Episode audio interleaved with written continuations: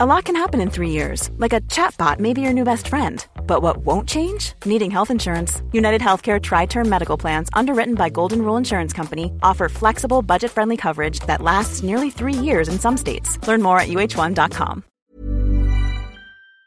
Dan kijk ik in de kantine rond en denk ik, oh, maar tien jaar geleden was jij al zuur. En nu zit je nog steeds op dezelfde plek je boterham te eten. Wij zijn Femke, Barbara en Els.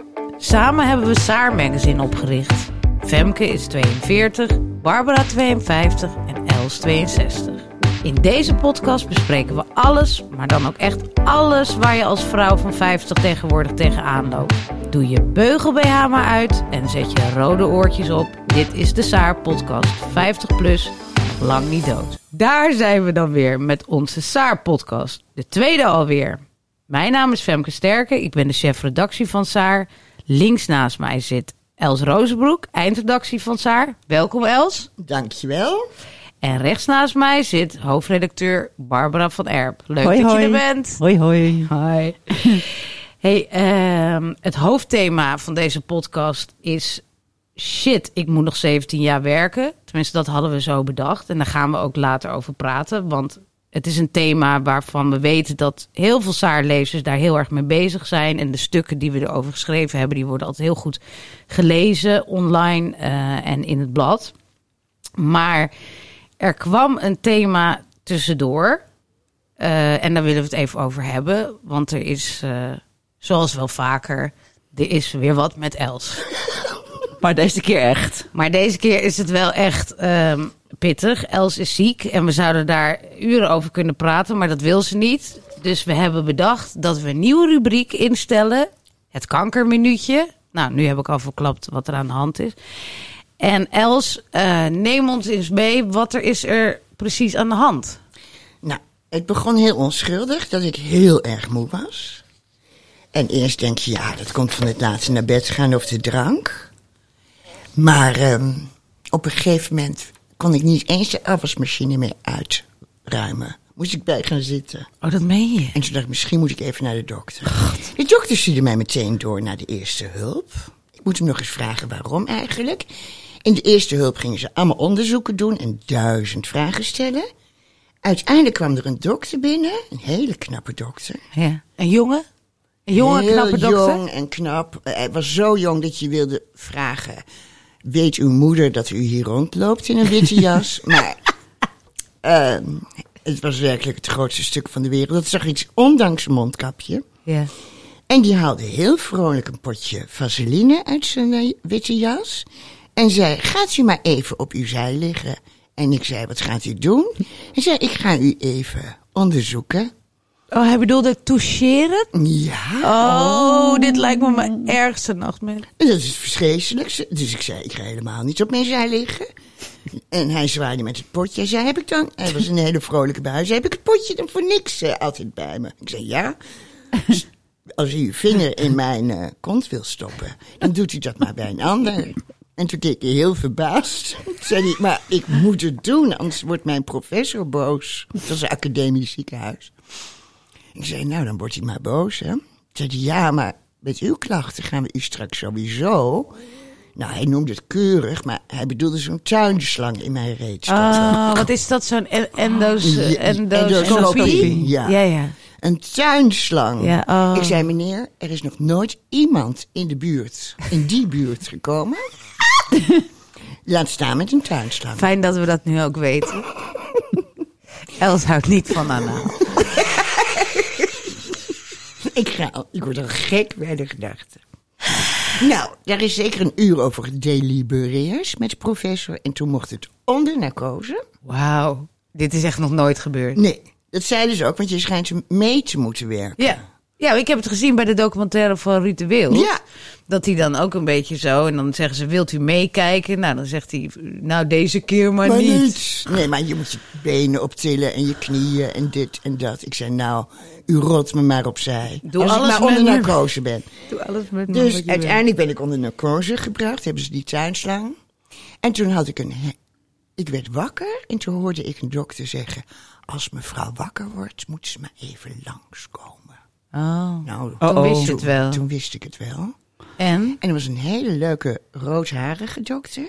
Niet zo knap, maar wel ja, Serieus? trouwmateriaal. Want Ja? hij was heel vrolijk. Hij zei, ik val maar meteen met de deur in huis. U hebt een darmtumor. Zo. En Moest je huilen? nee, ik was verbijsterd. Je had het niet bedacht met alle klachten die je al had. Nee, nee want ik ehm, doe niet aan ziekte. Oh. In mijn familie verdringen we ziekte. Daarom zijn we ook altijd overal te laat bij. En wat zei hij nog meer? Ehm, toen ging hij me allemaal dingen vertellen. eh, wat mij allemaal te wachten stond. En ehm, gelukkig had ik mijn broer bij me, die heeft wel geluisterd. En ehm, nou, nu heb ik volgende week heb ik een, eh, een scan. Gaan ze kijken hoe, hoe het in de rest van mijn lichaam zit. oh. Zo. Nou, dat is eh, heel Ja. wat stress. Heel veel stress. En nu heb ik de podcast van Ruud de Wilde. eh, Ruud, nee, de documentaire van Ruud de Wild eh, bekeken. Ja? Oh, die had je nog Ja, niet gekeken. Ja, dus nee, die durf ik natuurlijk niet te bekijken. Die is nog best hoopvol, toch? Heel hoopvol. Dus daar hou ik me aan vast. Dankjewel, Ruud. nou, heel goed. Ik vind het hartstikke leuk dat je er wel vandaag wil zijn. Je zei, Tuurlijk. Ik- je zei dat je alleen al voor de podcast wil blijven leven. Ja. Dat is, dat is- dit geeft wel een beetje de mentaliteit van Els Rozenbroek weer. Wij eh, moesten even bijkomen, maar alleen voor de podcast blijft ze leven. Dus godzijdank. Hey, dus we gaan, nu, eh, we gaan dan nu ook gewoon naar iets vrolijkers dan, Nou. eh, dan dit. Ehm, we gaan dan nu verder met onze rubriek Wie is het? Het gaat zo. Ik lees een tekst voor die ooit in Saar heeft gestaan. Of op de website of in het magazine. En jullie moeten raden van wie die tekst is. En laat me even uitpraten. Vorige keer gingen jullie meteen er doorheen gillen. Maar ik heb het fragment echt heel erg zorgvuldig gekozen. Dus ik wil graag tot het einde. Wij zwijgen. Ja? Femke is nu al verbitterd. Podcast 42 en verbitterd. Podcast 2. Een paar jaar geleden moest ik een bundel samenstellen over vrouwen van 50. Ik kreeg als strenge instructie mee dat het woord overgang er niet in voor mocht komen. De redacteur trok er een vies gezicht bij alsof het over een smerige geslachtsziekte ging die gepaard gaat met veel groene pus en rode bulten. Nou, wie is dit? Eh, van Barbara. Ja, dat is duidelijk Barbara, hè? Ja. Ik dacht ook wel bij die bundel, dacht ik, volgens mij heeft hij niet die bundel. Dus volgens mij is het heel duidelijk, inderdaad. Dit is het exquise, dingen taalgebruik van Els. Dus ik vraag aan die redacteur, maar hoe moet ik een bundel schrijven over de overgang? En oh nee, over, vrouwen van 50. Over de v- 50-jarige vrouwen. Als het woord overgang niet bestaat. Zei ze, nou, ze hebben toch ook nog wel andere interesses? Interesses ook. Interesses? Ja. Oh, dat is een goeie, ja. Eh, nou, Ja. en, en die vrouw zelf was 45. Dus ik dacht, nou ja. Oh, ook nog. Maar dat zijn de ben jij in de overgang. Oh, maar dat vind ik zo fascinerend. Vrouwen van nog net geen 50 die heel erg doen van... Oh nee, ik ben natuurlijk nog steeds de doelgroep niet, hè? Ja, ja. En dan denk ik, ja, eh, over twee jaar wel. En, Ja. en hoe ga je daar dan mee om? Ik kom het zo vaak tegen, eh, ook bij mannen. Ik had van de week een gesprek met een man. En eh, die zei van, eh, van 52, was hij Vij- 54? En ik zei van, ja, we hebben leuke cursussen, gezond en slank door de overgang. Ging je helemaal zo ginnig grappen. denk ik, sorry, jouw vrouw is ook 54. Ja, Waarom Wat, dat snap ik ook niet. Wat, ja. Waarom ging die dan ginnegappen? nou ja, dat van, oh ja, overgang, dat is echt niet, dat komt in mijn leven niet ja. voor of zo. Denk, ik, maar kijk, als een jongen van 18 dat doet, dan mag dat. Dat mag, prima. Tot je dertigste ongeveer mag het. Maar ik vind dat zo raar, dat ontkennen van die Ja. leeftijd zit hier ook weer in. Ja, die leeftijdsgenoten. Ja, of de, en de vrouwen die zeggen... Nee hoor, als ik in de overgang kom, doe ik net of ik er niet in ben. En dan Ja. hoop ik altijd zo dat ze worden getroffen. Ik doe er niet aan. Ja, ik ga er niet aan doen. Ik Ja. wil het niet, ik wil het niet, ik wil het niet. Ja. ja, maar dat zul je zien, dan word je gepakt, hè? Oh. Ik denk altijd heel erg. eh, ik hoop dat ik een beetje zoals mijn moeder ben. Die heeft er echt niet zoveel last van gehad. Maar dat dacht ik ook bij de bevallingen. Mijn bevalling was de hel. Dus ik zal ook wel weer een helse overgang. Ik Ja. zit er echt op te wachten. Ja, ik zie bij jou af en toe wel een opvlieger. Nee! Nee, maar ik ben zo'n vrouw die zegt, ik doe er niet aan. Mijn moeder zegt, de overgang, daar hebben wij geen last van. Ja, En ik ben 52 en ik heb geen idee of ik in de overgang ben of niet. Maar ik heb nergens last maar van. misschien je omgeving wel? Ja, ze hebben heel veel last van me. Want mijn moeder deed ook niet aan de overgang. Ja. Ja. Nou, ehm mam, Ja, ze leeft niet meer. Maar het was de hel. Oké. Mijn moeders overgang. Ja, ja. Ja. Nee, ik merk niet echt het verschil van nu en tien jaar geleden met jou hoor. Je bent nog even, even irritant. instabiel. En huilerig. ja, dat is grappig. Ja. Nou ja, we gaan het zien. Ja. Nou, mooi. Maar eh, dit was dus duidelijk. Eh, dit was eh, Els. Yes, dan is het nu tijd voor de SAAR-score. De SAAR-score is, lieve luisteraars, dat wij in elke podcast een vrouw onder de loep nemen... waarvan wij bepalen of zij een hoge of een lage SAAR-score heeft. En de SAAR-score... Nou, kan jij een beetje uitleggen waarop vrouwen eh, hoog zouden moeten scoren? Zouden ze een SAAR-vrouw zijn? Nou, het moeten leuke vrouwen zijn met een actief leven. Met eh, werk, eh, vriendinnen, actief. Ze zijn wel of niet gescheiden. Ze hebben wel of geen kinderen. Ze hebben een mening over dingen. En ze houden natuurlijk van lezen, anders hou je niet van Saar. En een filletje hier en uit. daar? Een filletje? Oh, ja, is, absoluut. En als ze geen filler hebben, denken ze erover. Oké. Absoluut. Nou, en ze fietsen door het rode licht in mijn dromen. Oh ja, dat, dat vind ik leuk Ja. dat jij dat altijd zegt. Dat is inderdaad, Ja. dat is een hele goeie om eh, de Saarvrouw aan te herkennen. Nou, deze week is eh, de, de Saarvrouw, of in ieder geval degene die we aan de Saarscore gaan onderwerpen, is Sylvana Simons. Oh, Sylvana. Sylvana Simons. Mm. Wat denk jij, Els? Is dat een Saar of is dat niet een Saar? Sylvana, ik vind haar de ultieme Saar. Oh ja? Ik kwam haar laatst tegen. Ik zat op een terras. Ja. Oh. ehm, en daar kwam Sylvana langs. Maar dat wist ik niet. Ik dacht, dit is de dochter van Sylvana. Ja, zij ziet er echt extreem goed uit. Ja. En, want het was gewoon een heel jong meisje met een prachtige huid. En zo'n lijfje. Nou ja, waar dat je, lijf wat ja, ik wil, Van ja. een 18-jarige Doutzen Kroes, zo'n lijfje. En ze was zo leuk gekleed. Dus ik dacht, jezus, Sylvana heeft een leuke dochter. maar toen kwam ze op een van de... Ik was zat met acht mensen aan, op het terras. En ze kwam op een van die mensen af. En ze begon met hem te kletsen. En toen dacht ik, die dochter heeft ook dezelfde stem. Nou. Hoe kan dat nou? Dus ik vroeg later, Wie is dat? wie, i- hoe oud is die dochter? En toen zei ze, dit is Nee. Sylvana. Nee! En ik kreeg echt een hartklap. Ik dacht, hoe kun je zo mooi en jong zijn? Want, nou, ja, ze moet 50 zijn. Ja, Ja, ik denk 48, 49, zoiets. Ja, zeker. ongelooflijk hè? Ja, zij is wel eh, bizar mooi. En leuk. Want tijdens dat gesprek Mhm. dacht ik, wat heeft Sylvana een leuke dochter. Nu had ik het nooit zo op Sylvana. Ja, ik ging eigenlijk wel mee met de algemene opinie van... die is veel te veel slachtoffer. En die noemt alles racisme. Precies. Maar ik ben daarin veranderd. Ja. Net als met Zwarte Piet Ja. ben ik veranderd qua racisme. Ik ben ervan overtuigd dat wij veel racistischer zijn dan, Dan we, we weten. ooit dachten. En ja. Dan we ooit zullen weten als witte. Dan we zelf ook snappen. nou, Ja, als- Vinkjesvrouwen. Ja, wij zijn vinkjesvrouwen met veel te veel vinkjes. Ik dacht dat we niet te vaak de Ik vinkjes... heb alleen Dus lagere ik vind school, dat wij dus ik tel nooit meer een, Oh. wij mogen echt nooit meer een oordeel vellen over Zwarte Piet of de denkbeelden van Sylvana, want we hebben geen idee. Nee, we hebben echt geen idee. Dus ik ben naar Sylvana toegestapt. En toen? Ja, ik heb het gedurfd. Heb ik nog nooit gedaan met een bekend iemand. En ik heb gezegd, Sylvana, ik zie jou geweldig. Ik had nooit gedacht dat ik ooit op jou zou stemmen. Want het kwam niet in mijn hoofd op. Maar nu ik jou volg, mijn respect is huizenhoog. En als jij zo doorgaat, heb je mijn stem. En ze was zo leuk. We mochten elkaar niet zoenen, want het was nog mondkapjestijd. Ja. Maar Toen anders was er nog we corona. gaan- we gaan absoluut gaan zoenen. 1980. Ja. Ja. En ik was ook zo blij dat ik het had gezegd. Ja, leuk. Wat leuk. Wat leuk. Bar, wat vind jij? Wat vind jij van Sylvana? Nou ja, hetzelfde als wat Els zegt. Ja, dat is geen Ik denk dat ze ook wel leuk, gezellig is. Ja.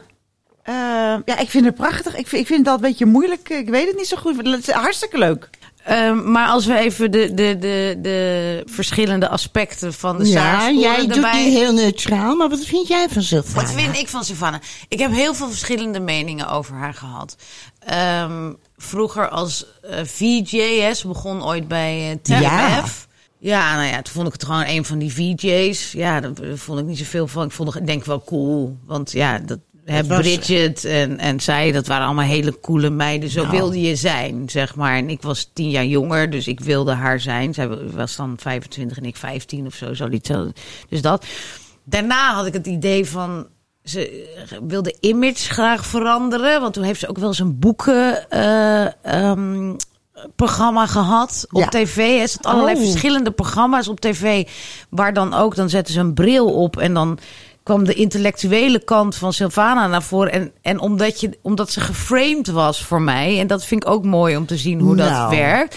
Als, treurig, hè? als die eh, TMF eh, VJ dacht ik, wat doe jij nou ineens? Terwijl nu blijkt ook, hè, nu ze politica is, dat het echt een slimme vrouw is. Dus ik had haar helemaal niet zo mogen dismissen. Maar ik dacht, Nee. oh, ga je nu ineens over boeken praten? Terwijl, hallo, waarom mag die vrouw niet over boeken praten? Dus toen had ik een was ik een beetje judgy. Eh, en richting de politiek ook. Dacht, oh, nou gaan we een politieke partij. Gewoon, nou, eh, wow. Weet je, het, voelt, het voelt dan als buitenstaander, als je iemand niet kent en je volgt niet het hele pad, dan denk je van, oh, nou, dan moet weer iets anders komen om, in de, om eh, bekend te blijven. Ja, en ze had ook niet een gelukkige hand van kiezen met haar medewerkers. Het Precies. ging allemaal mis. Dus allemaal dan lijkt het een beetje LPF-erig. Ja, hè? ja. Daar, krijgen we, daar hebben we natuurlijk ook traumaatjes van. En ik, ik, het voelt dan een beetje eendagsvliegerig.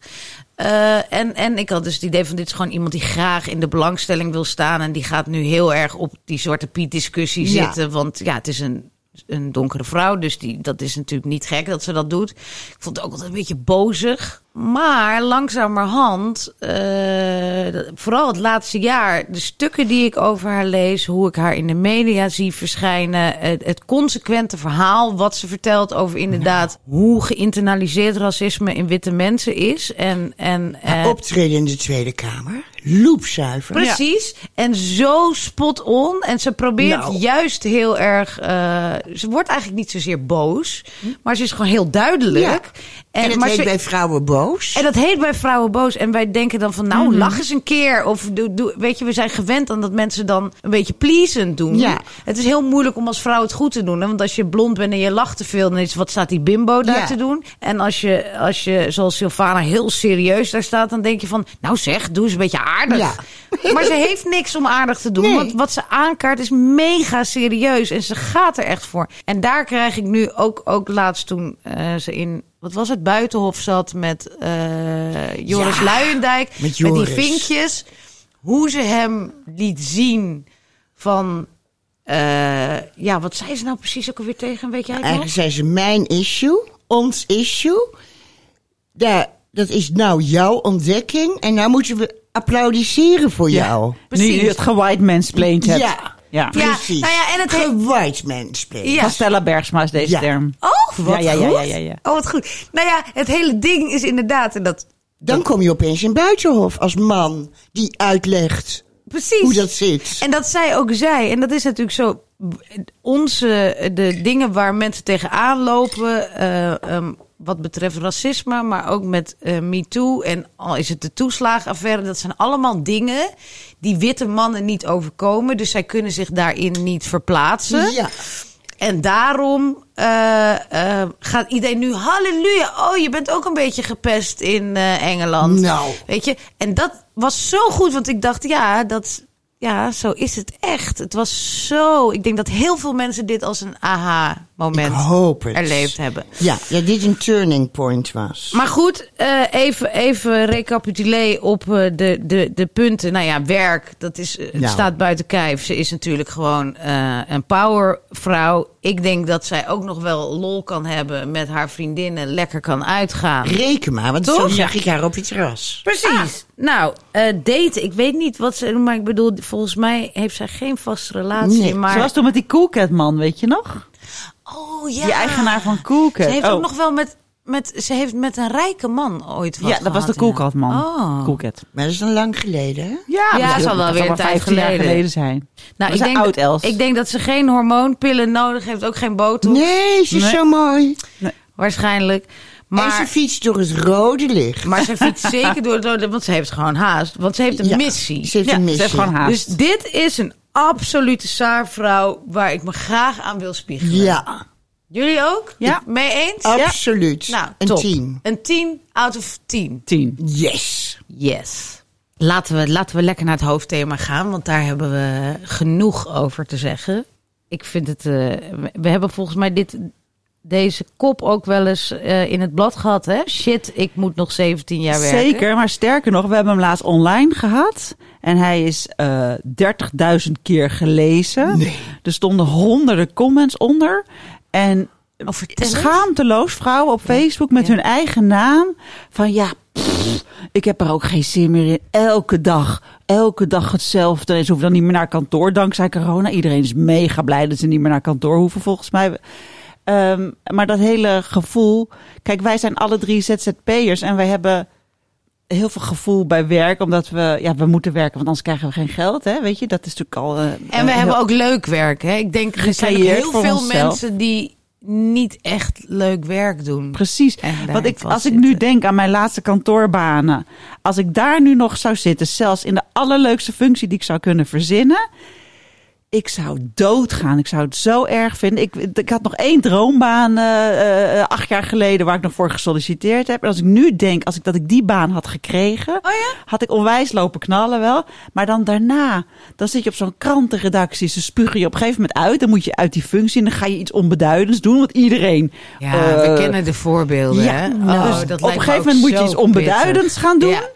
En dan zit je daar dus, eh, weet ik veel, tekstjes te corrigeren van, ja, van slechte luie redacteuren. Ja, ja. ik, heb, ik, oh, ik hoorde laatst weer inderdaad een echt een houten methode. Ik zal geen namen noemen.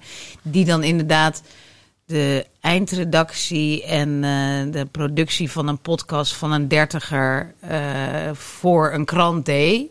Die ik echt nog als hoofdredacteur van een groot tijdschrift ken, zeg maar. Jezus. Toen dacht ik, jeetje, oh, die is helemaal, dit is dan de weg. Ja, ja, Dan gaan ze klusjes je voor je gaan. verzinnen. ja. ja. Dus En ik vind het best heftig, want deze vrouw is ook inderdaad 55. Dus dan denk ik, je hebt zoveel in huis. Ja. En dan kennelijk tel je dan al niet meer mee. Ik kan nee, me maar niet je voorstellen. zegt een goed woord. Het is een vrouw van in de 50. Ah, ik krijg dus het is natuurlijk weer een, een potje seksisme. Ja, Ja, een vrouw boven de 50, die wordt een beetje meewarig bekeken op het werk. maar ook als ze niet loopt te zuchten eh, van de opvliegers, zeg maar. Ik bedoel, als ze gewoon keihard eh, doorwerkt. Nou, als ik aan mezelf denk toen ik 30 was, hè. En eh, toen had ik een redactionele baan en moest ik met freelancers werken. En de freelancers van boven de 50, die waren in mijn ogen 80. Ja. En dacht ik steeds, waarom werk jij nog? ja, ja, heel erg. Ik schaam me nu erg. Maar zo werkt, denk je. Nee, en dit nu ik heel zelf, goed, dit perspectief. en nu Ja. ik zelf in de 60 ben, denk ik, ja, zo kijken die meiden van 30, die jonge chefs, die ambitieuze chefs, Ja. ook aan mij. Ja. Je doet Waarom het al je eeuwen, steeds hetzelfde kunstje. Ik doe gewoon een leuke nieuwe in plaats Ja. van... Nou, dat, maar dat vind ik juist zo leuk aan, eh aan Saar ook. We hebben natuurlijk eh, ook een, een, een magazine voor jonge ouders. Zijn we ooit eh, mee begonnen, Me to We.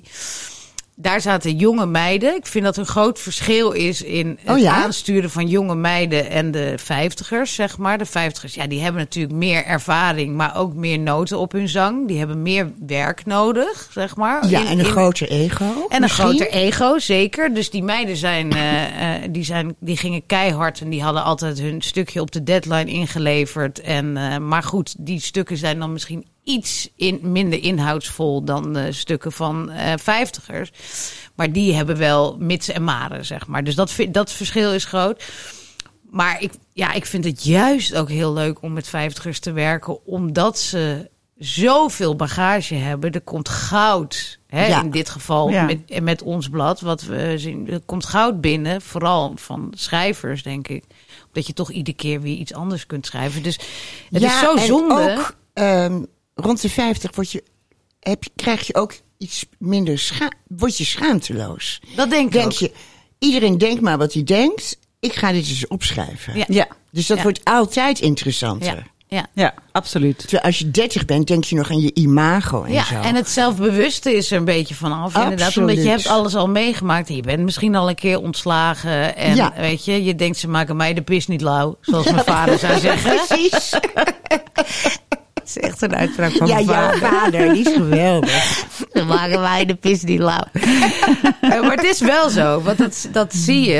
Ehm, maar goed, dat zijn dan ook freelance. En freelance is ook weer een apart slag. Ja, Ja, want die wat- wat zijn ik- ook afhankelijk. Precies. Ja, die zijn afhankelijk, maar ook weer onafhankelijk, zeg maar. En in het schrijven eh, komt daar veel eigenheid in. Maar als we het in zijn algemeenheid over het thema shit, ik moet nog 17 jaar.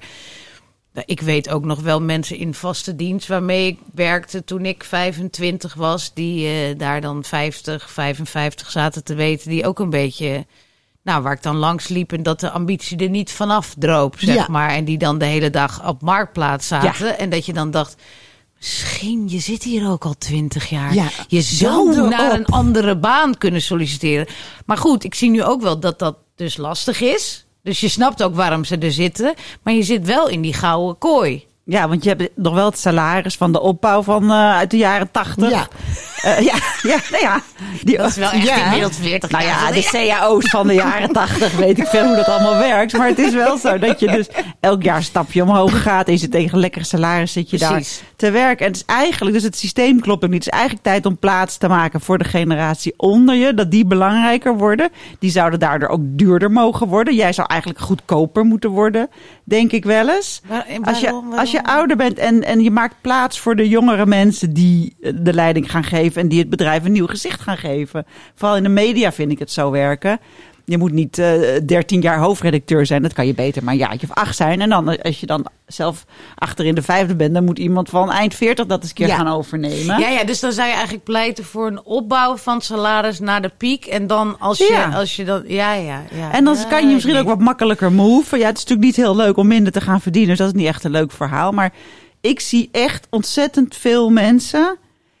De, de mensen die ik ken die in vaste dienst zitten, die zitten gewoon hartstikke vast. Die zitten vast in wat ze al heel lang doen. Die voelen de druk van onder, van jongere mensen. Die voelen, ja, maar ik heb nu de leukste baan. Als ik dit nu allemaal laat gaan, dan kom ik ook bij het kopieerapparaten zitten. Dus ik hou het zo lang mogelijk nog ja. vast. En ook Maar- je salaris. het salaris ook vasthouden, waarmee je ook een vernieuwing binnen een organisatie ook wel tegenhoudt. En hoe goed ze ook hun best doen om daar echt aan mee te werken, daar zijn ze zich echt bewust van. Maar er zit ergens iets scheef. En ik denk heel vaak bij vrouwen, nou ja, ook bij mannen misschien, maar dat is toch weer een ander verhaal. Laat het eens los, laat het eens gaan en durf te springen ergens heen. Zorg dat je niet bij dat kopieerapparaat komt te zitten. Ik denk dat het voor vrouwen, en het is heel makkelijk praten als je genoeg geld hebt en bladibla, dat had ik ook niet. Maar dat het heel goed is om voor jezelf te beginnen op deze leeftijd. Ja. Dan kan je je wijsheid verkopen. Iemand zei laatst keer tegen me, binnen een organisatie hoor je bij de oude garde boven je vijftigste. Maar als je voor jezelf begint, dan ben je opeens iemand met heel veel kennis en bagage en dat kan je verkopen. Precies. Want En dat is natuurlijk zo. ZZP'ers van, eh, weet ik wel, 28. Dan denk ik altijd van, wat weet jij? Nou, Ja. waar, waar, waar heb je dan gezeten waar je dit allemaal hebt geleerd? Ja. Trouwens doen die het ook hartstikke goed. Hè? Want al die influencers, weet ik wat ze allemaal... Ze, ze- sommigen verdienen hartstikke veel geld. Dus kennelijk heb je het allemaal niet nodig. Je moet je niche vinden, ja. Je moet je niets vinden. Maar eh, ja, het is wel waar. Iemand van boven de 50 denk je van, nou, die heeft daar gezeten, daar gezeten, daar gezeten. En die- ja, je kan die kennis, eh, je kan daarmee eh, de boer op. Maar goed, het vergt wel een Het bepaalde vergt moed, moed. hè? Tuurlijk. En dat, dat maar je- ondernemende... beter, dat- beter een sprong in het diepe dan een oude zure tut worden. Zeker, Ja. Ik ben eh, zeker. eind 40 was ik toen ik mijn vaste baan opzij. En dat, toen was ik hoofdredacteur. Verdiende echt heel veel. Ja, Ook in nog- die tijd verdiende je Eh, echt heel veel, hè? Dat was jaren Dat was een- 70 Ja, CAO. ja. Jaren 60 zei je nou. Dat was zo geweldig. Plus een auto van de zaak. Plus Dat meen je zes weken vakantie. Nee, en, joh. ehm, In de tijdschriftenwereld? ja, Ja. ja. En ehm, een prachtige kamer. En een secretaresse. Nee, ja, die had je dat ook vond nog ik nog toen. het engste toen ik voor mezelf begon. Dat je geen ik- secretaresse meer had? Ja, dacht ik, maar als dan een computerstuk is, wat moet ik dan? Precies. Ja, maar ik was zo blij dat ik het deed. Mijn ouders die keken me aan alsof ik ze vertelde dat ik eh, een moord had gepleegd. Pensioenbreuk. Ja, pensioenbreuk, riepen ze. Eh, mijn baas keek denk ik blij. Want ik zei tegen hem, ik wil geen oude zure tut worden. Ja. En eh, dat vond hij eigenlijk een hele leuke. Dus ik kreeg ook nog wat geld mee. ja. En, ehm, Als bedankje. en het was zo leuk. Nou, en En je was alleen, je was al- helemaal financieel. Ja, oh, daarom durfde ik het ook. Mijn zoon was net uit huis. Dus ik was niet meer... Zo zorgend. Nee, ik hoefde Ja. niet meer een visioen te hebben... dat ik met hem achter een boodschappenkarretje door de straten zwierf. En dat je naar de voedselbank Maar moest. van, hebt u een broodje voor mijn kindje? Oh, wat is dit Ja, een dramatisch ja. beeld. Maar je Ja. was wel alleen. Je had niemand waar je op kon terugvallen. Nee, absoluut niet. En, maar al binnen een maand dacht ik... oh, dit had ik tien jaar eerder moeten doen. Oh ja? Want iedereen was heel blij met me. Ja. Zo van, oh, maar die kan dit, maar die kan ook dat. En zus en zo. Je nam alles aan, hè? Ik nam alles aan. Ik heb de raarste klusjes gehad. Ja. En, ehm, en uiteindelijk blijven de leukste klussen natuurlijk over. Ja. Ja, Ja. ja. Maar wat, ja, wat, wat zou je advies zijn, Barbara, voor iemand die, eh, die toch in die gouden kooi zit en het niet durft? Nou ja, eerst goed erover nadenken wat je zou kunnen gaan doen als ZZP'er. Of als ondernemer dan. Ehm, als je daar een beeld van hebt, ook dus ja, in de avonduren in het weekend praten met mensen. Wat denk je dat ik dat kan? Of zou jij mij inhuren? Dus echt gewoon met potentiële klanten gaan praten. Maar ook beter niet met je vrienden of je man of zo. Want je man die wil dat je lekker hetzelfde blijft doen wat je altijd deed waarschijnlijk. En dan wil je zus eigenlijk ook. Ja. en Zeg je ik beste ook tegen mijn man, blijf Ja. gewoon in dienst. Ja. Gewoon in dienst blijven. Nee, dus je moet mensen opzoeken die je of bewondert, die iets vergelijkbaars hebben gedaan en die dit ook zijn tegengekomen. Potentiële opdrachtgevers, dus of, of nep potentiële opdrachtgevers, niet de echte al benaderen natuurlijk, zou ik denken, of misschien ook wel, hangt er een beetje vanaf. En ik zou denken, niet zo bang zijn om het gesprek aan te gaan op je werk. Dat je, net als Els, die heeft dan meteen opgezegd. Maar je kan ook zeggen, van, goh, ik ben bang om een zure oude vrouw te worden. Ik merk dat ik gewoon jaren op de top van mijn kunnen heb gewerkt. Ik merk dat er allemaal capabele mensen onder me zijn. Precies. Waarvan de organisatie graag wil dat ze het gaan overnemen. Maar Ja. ik wil niet bij het kopieerapparaat belanden. Kunnen we praten? Dit is wel een hele Dit goeie. is een gouden tip. Ja, want dat, dat is, we hebben er wel eens een verhaal ook over gehad. Toen vond ik dat ook heel opvallend dat iemand dat had gedaan. En, ehm, En die baas Mensen- reageerde geweldig. ja, die want mensen zijn mee. precies. Mensen zijn altijd bang, zo van als we dat dan weten, dan lig ik er meteen uit of dan. Maar zo is het niet. En zeker niet in deze tijd. Weet je, mensen willen gewoon dat je in je kracht staat. Hè? Vooral in grote bedrijven Ja. wordt er heel erg gekeken naar het welzijn van de mensen ook.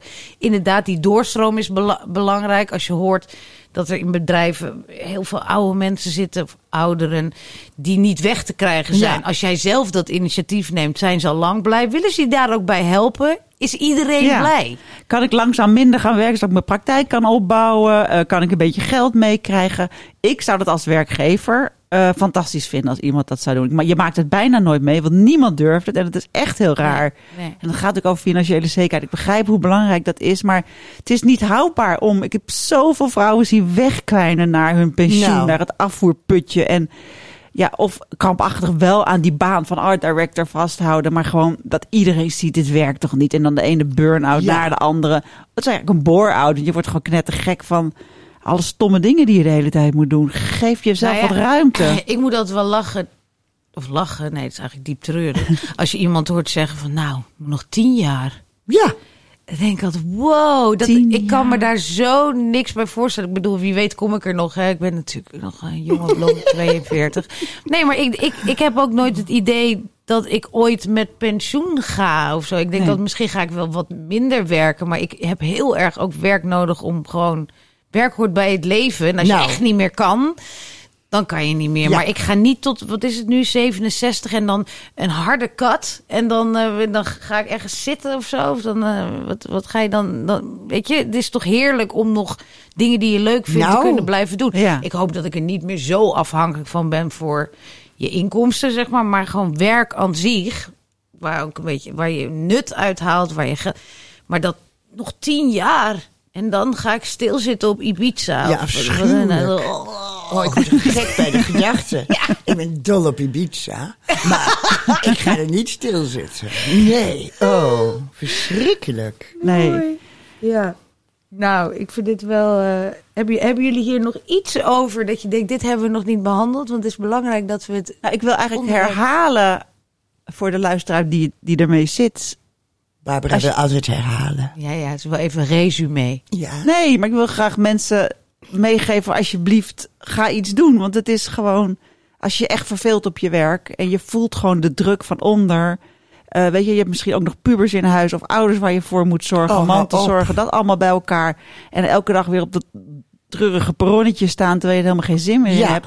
Doe iets. Ik heb, ik heb het op veel jonge leeftijd ook meegemaakt. Dat ik eh, rond mijn veertigste, dat ik dacht, ik vind dit zo erg werken. Ik durfde niks te doen. Ik durfde niet te bewegen totdat ik ontslagen werd. Dat is eigenlijk het beste wat me is overkomen. Ja. Want toen ben ik ondernemer geworden.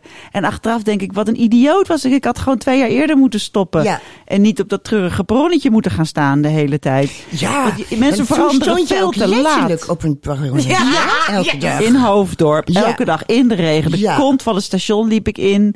En dan te wachten op de trein. Ja, en dat perron, dat dat, perron was 200 kilometer lang. Ja, Ja. dat was Je moest zo ver lopen. lopen. En je Ja. moest altijd rennen, want je moest je hakken Ja. aan daar Ja. op kantoor. En Ja. dan op je hakken rennen naar de trein. En dan door de Schipholtunnel. Ik- Oh, verschrikkelijk. Maar ik- En ze hadden daar ook TL-licht in dat gebouw. Ik, ik moet altijd zo lachen, want Barbara zegt altijd, en dan moest je door de kont van het gebouw naar binnen. Ik heb dat nooit, ik vond het altijd leuk dat ik via de achteringang mocht.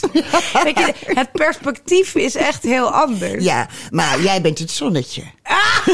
Ons Femke is het zonnetje. Ja, ik zie Ja. alles altijd van, Ja. van, van de bright side. En die plek waar ik nu weg ben, een heleboel mensen, die zitten er nog. Nou. En ik weet dat die... Ik zie ze ook zitten soms in de kantine. zitten, ja. En het, is altijd, het zijn Want de zuurste mensen die blijven. Ja, want ik heb af en toe een opdracht. Ah. En eh, dan kijk ik in de kantine rond. En dan denk ik, oh, maar tien jaar geleden was jij al zuur. En nu zit je nog steeds op dezelfde plek je boterham te eten.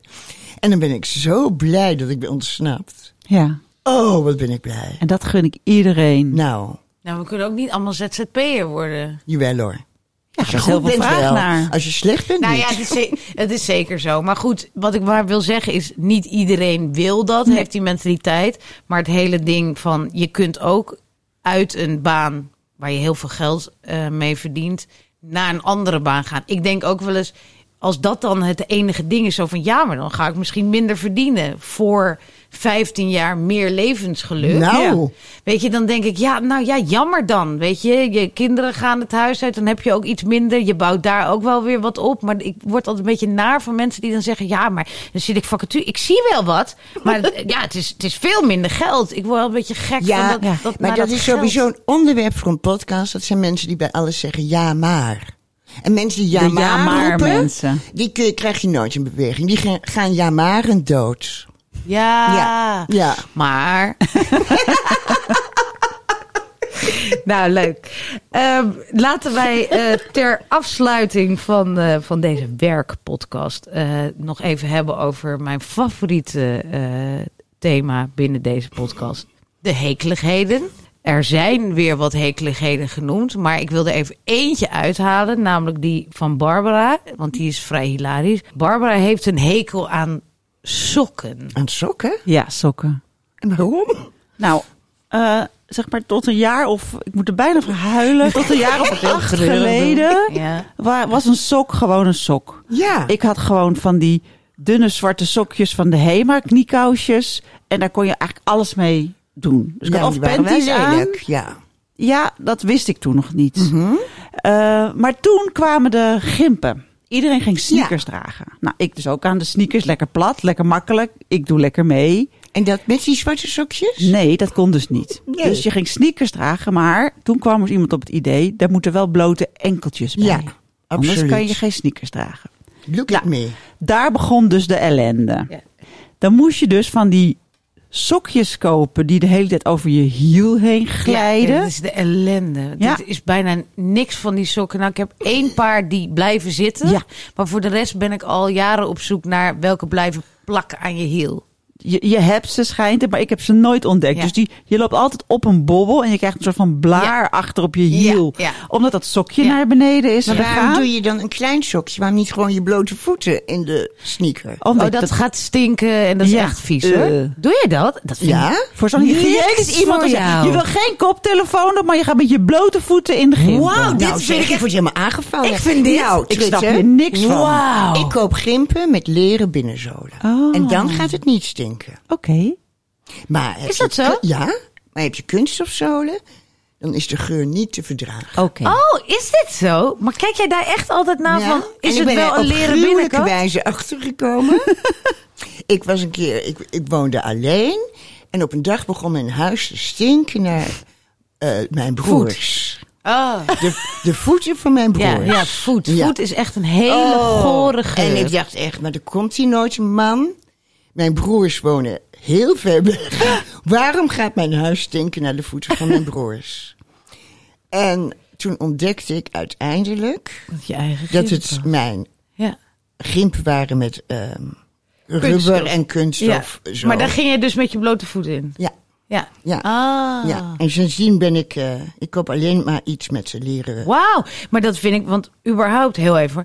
Eh, voor, naar zo'n sneakerzoek vind ik altijd al best wel een ding. Ja. Welke je mooi vindt. En dan moet jij ook nog kijken of de binnenkant van leer Ja, is. maar Dat is alles toch geen dan zo'n klote sok van Barbara. Ja. Ja. Wauw. Nou ja, want dat is sowieso die sok. Het, als het koud wordt, zoals nu, dan wil je dus niet met blote enkeltjes Nee, over dat, straat. dat blijft toch Dus ook wat een doe ding? je dan? Wat doe jij dan, Els? Dan doe ik mijn uks aan. Oh. Er mag Oh. niet, eh, al mijn vriendinnen en mijn hele familie wordt dan boos. Maar ik loop dan gewoon in mijn uks. Nee, maar goed, je hebt nu wel, ik vind het nu te koud voor die koude enkeltjes. En je loopt wel met koude enkeltjes. Ja, maar ik ben met de auto. Ik hoef maar drie meter te ja, lopen. ja, je fiets jij niet? Nee. Nee, dat dacht ik Nee, al. dat is waar, Ja, ja. dat is dan toch oh, een verschil. dat is het verschil. Oké, we zetten Ja. jou even buiten. Ga even door over de sokken, want ik kan met roken. haar niet praten. Dus, ja, dus toen ben ik weer eh, zwarte sokken gaan dragen. Maar met lichte sneakers daaronder ziet er toch eigenlijk echt niet uit. Zwarte hoge sokken? Nou ja, gewoon, je hebt gewoon een broek die, die, die grenst aan Ja, de oké, maar goed, de enkel is in het zicht En die met is de zwart. zwarte sok. Ja, Ja, Niet zo met een mooi. witte gimp is dat niet zo mooi. maar toen kwamen de sokken weer in. De sportsokken. De jeugd ging lopen met van die katoenen sport, Ja. witte sportsokken met twee van die randjes. Ja. En het liefst in badslippers, dus dat mochten tokkies en, en hippe jonge ja, mensen. ja. Maar wij mochten nog niet. Ja. Nee. Maar na drie jaar wachten zijn wij nu ook aan de beurt. Dus ik heb nu ook hippe sportsokken besteld. Hilarisch. En als het koud is, dan doe ik mijn hippe sportsokken aan. Echt waar? Ja, En dus ik heb vrede gesloten met de sok. Liefst wit. Liefst wit. Wow, en hou jij... Daar hebben we het wel eens eerder over gehad. Hou jij je dus- sokken wit? Eh, mijn Witte man sokken? doet de was heel goed. Vind ik echt knap hoor. Het geheim van de witte was is wit was je met wit. Oh, Ja, ik dacht Dat dat heb ik geleerd van Vanessa. Nee, dat is... Vanessa zegt gewoon zelfs niet zacht roze of Nee, zacht blauw. precies. Wit bij wit. Precies. En Ja. dat is echt mijn punt. Ik heb niet genoeg wit voor de witte was. Nou, dan draait je maar eh, een, Een witte sokkenwas. Ja. Ja. maar dat is echt zo. En ik heb ook wel eens gehoord dat je een heel klein beetje bleekwater erbij moet doen. ja, dat kan, maar dat is natuurlijk wel heel schandalig voor het milieu. Nou, heel klein beetje bleekwater. Ik, ik doe hartstikke veel Maar je moet gewoon toilet. wit wasmiddel gebruiken. Ja, weet ik. Maar goed, ik heb dus te weinig wit was. Dus ik heb het opgegeven. Ik heb al het wit weggedaan. Oh, Ik heb gewoon geen wit ja, meer. maar hoe moet het dan? Dan kun jij straks niet meedoen met de trend. Met de witte Nee, sportsokken. nee, dat gaat, dat, gaat, dat gaat ook niet gebeuren. Ik maar Barbara, ga je dan ook Adidas slippers dragen? Heb ik overwogen, maar ik even denk kijken dat wat dat voor wel weer leuk het dan zou wordt. staan bij Ja, jou. Ook kort voor rokje. je voet. Ja. Ja. En je man zat zo opwindend. Dit is nou de boost voor je huwelijk. Nou jongens, volgens mij eh, eh, we Ja. zijn, zijn wij aangekomen aan het eind van deze heerlijke tweede aflevering van de Saar podcast. Dank jullie wel, Barbara. Els zit nog even na te gniffelen. Vond je dit nu een leuke podcast? Abonneer je dan op onze Saar podcast in je favoriete podcast app. Tot de volgende keer. Hoi, hoi. Doei doei! Even on a budget, quality is non-negotiable. That's why Quince is the place to score high-end essentials at 50 to 80% less than similar brands. Get your hands on buttery soft cashmere sweaters from just 60 bucks, Italian leather jackets, and so much more. And the best part about Quince, they exclusively partner with factories committed to safe, ethical, and responsible manufacturing. Elevate your style without the elevated price tag with Quince. Go to quince.com slash upgrade for free shipping and 365-day returns.